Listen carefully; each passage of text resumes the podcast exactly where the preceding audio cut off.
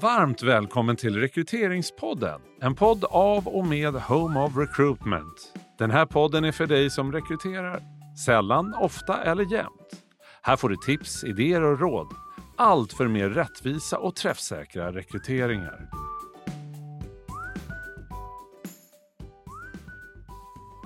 Varmt välkommen till Rekryteringspodden. Här sitter jag, Josefin Malmer, tillsammans med min kollega Anki Stavefelt. Precis. Och vi ska prata kandidatupplevelser.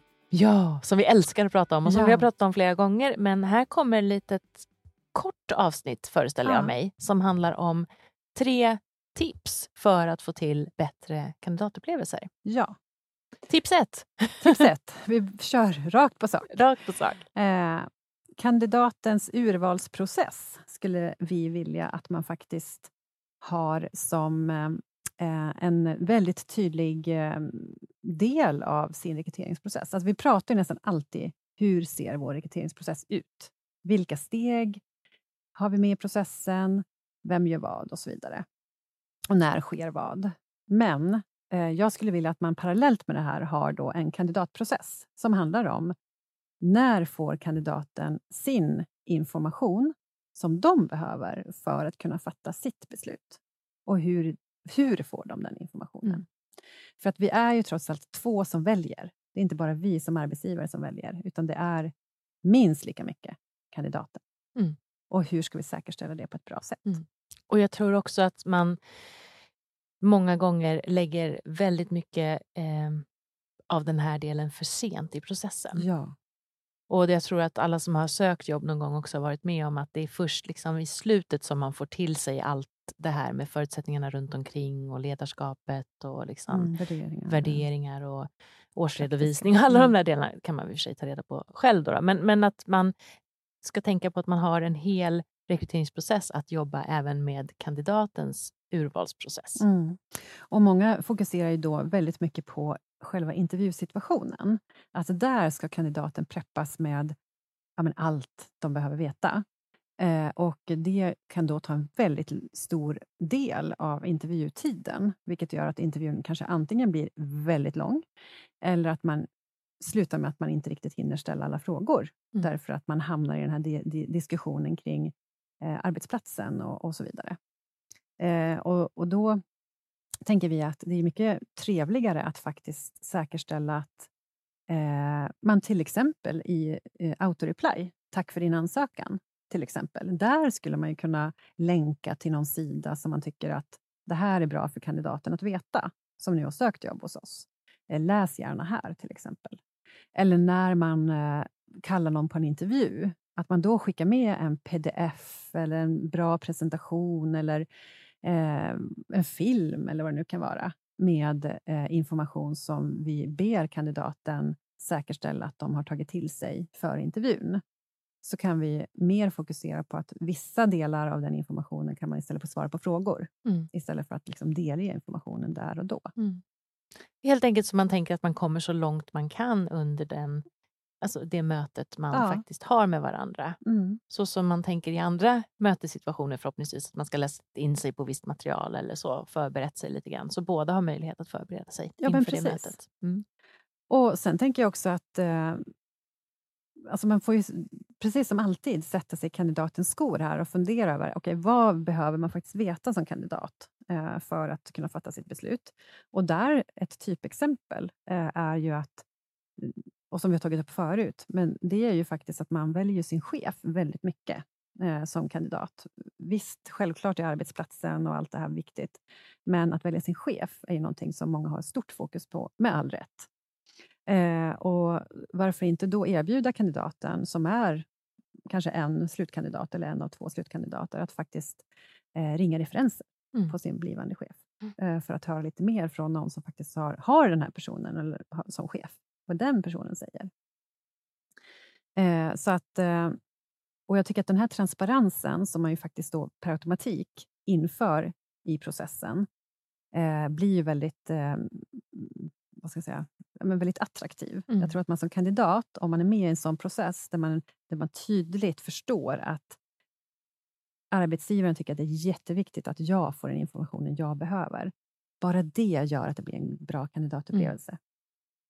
Och jag är hyfsat säker på att man också undviker en massa felrekryteringar när man ja. gör så här. För så ofta så handlar det om att kandidaten väl på plats när han eller hon har börjat inser att här, var det så här det var? Precis. Det hade jag ingen aning om och väljer att avsluta sin anställning ja. av den anledningen. Så att, eh, Visst, det kanske kommer trilla bort någon längs vägen utifrån att vi är väldigt transparenta med hur saker och ting är, men det är ju i så fall väldigt välkommet så att inte det sker när personen har börjat. Exakt. Ja. Bra.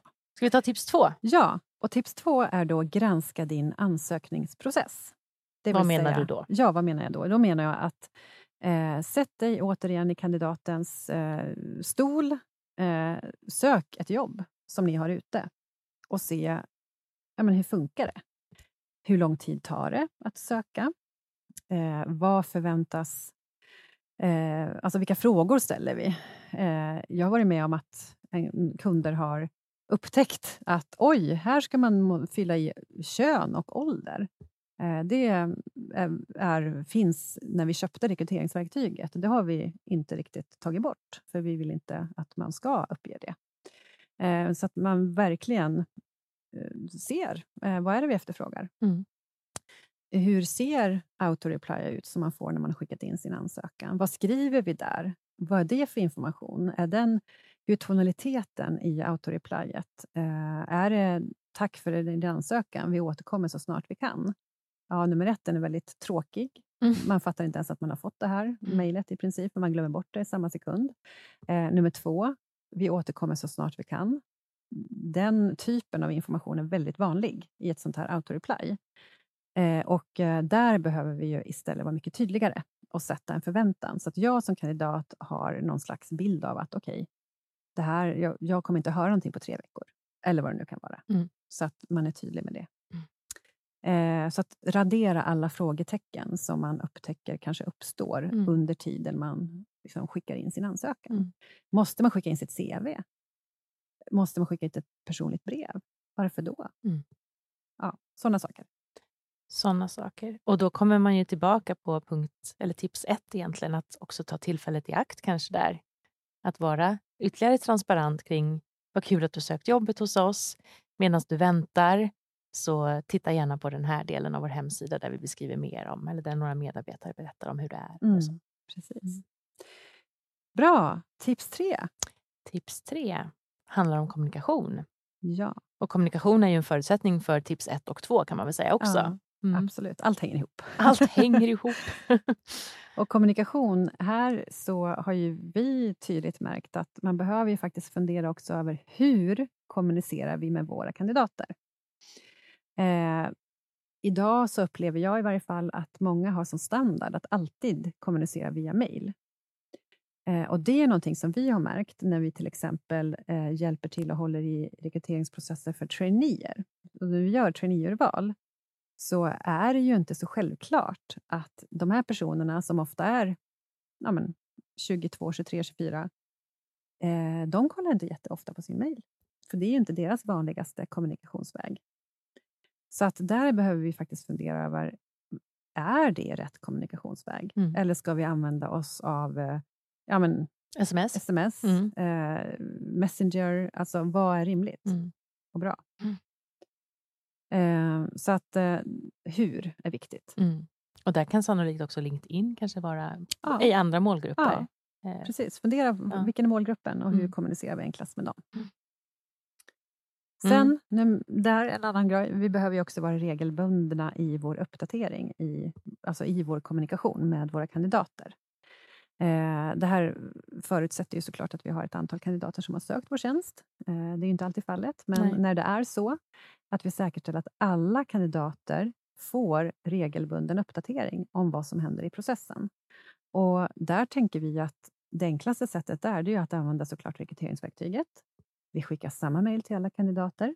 Eh, och kanske en fredag, vi säger att Eh, ansökningstiden eh, har precis gått ut idag och eh, vi kommer ägna de kommande två veckorna till att gå igenom urvalet.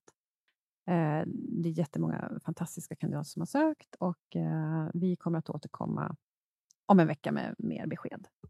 Eh, trevlig helg. Så. Eh, gör man det, och man gör det kanske antingen en gång i veckan eller varannan vecka, att man bestämmer vad känns rimligt för oss och, och vad tror vi att kandidaterna mår bra av. Mm. Eh, då kan jag garantera att man får massor av positiv feedback tillbaka. När jag var rekryteringskonsult så brukade jag göra det här just på fredagar, därför att då fick jag inboxen full av såna här hejarop och glada Mm. tillrop, så att, eh, då blev man så peppad inför helgen. ja. Ja. Nej men absolut. Och det är ju tyvärr så sorgligt fortsatt att, eh, att många kandidater blir glatt överraskade att det kommer ett besked. Ja. Eh, att det kommer någon information. Ja. Det behöver inte vara ett besked, men information. Så, så att, ja, det är väldigt tacksamt. Man får ju Mm. en, en liten boost själv då, när man Mm. jobbar med rekrytering. Precis. Mm. Sen så eh, är det ju också intressant det här med chatbots, tänker jag. Ja. Det är också ett sätt, ett nytt sätt, relativt nytt sätt i alla fall inom rekryteringsområdet att kommunicera. Mm. Och här så tänker jag att det kanske inte är alla som har möjlighet att jobba och med en chatbot på sin egen hemsida eller karriärsida, men Facebook eh, är ju också eh, en möjlighet att chatta med Mm. kan, sina kandidater.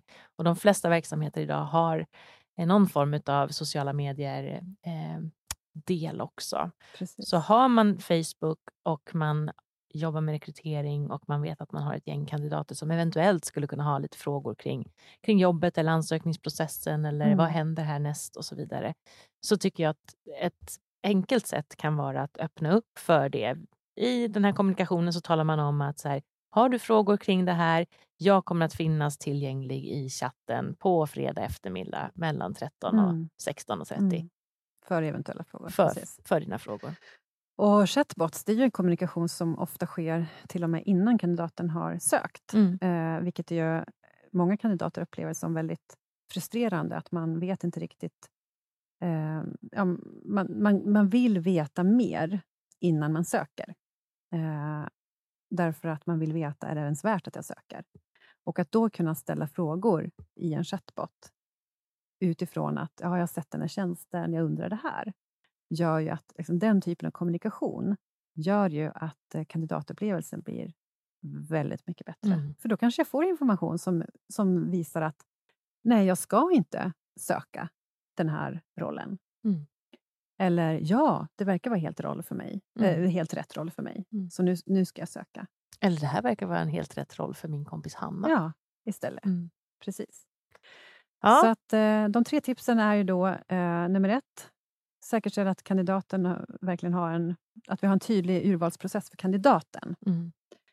Att de får information när de behöver det. En utvärderingsprocess. Ja, eller, ja. Mm.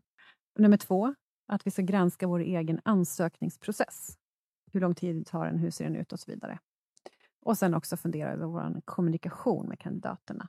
Och då i det här eh, har vi pratat mest om var den sker Mm. egentligen. Mm. Mm. Ja, precis. Mm. Sen behöver man ju säkerställa att man har en tonalitet som faktiskt rimmar med vårt varumärke för övrigt. Precis. Om vi har en tonalitet i våra annonser till exempel och i vår övriga eh, sociala mediekommunikation och så vidare, så kan vi ju inte vara helt annorlunda i vår kommunikation gentemot kandidaterna. Det Nej. blir ju väldigt märklig upplevelse. Bra! Tre tips. Lycka till med att höja kandidaternas eh, upplevelse av att vara i eh, rekryteringsprocessen. Bra, tack för idag! Tack, tack! Du har hört en podd av Home of Recruitment. Om du vill komma i kontakt med oss, skicka ett mejl till info at homeofrecruitment.se. Podden är producerad av Septemberfilm.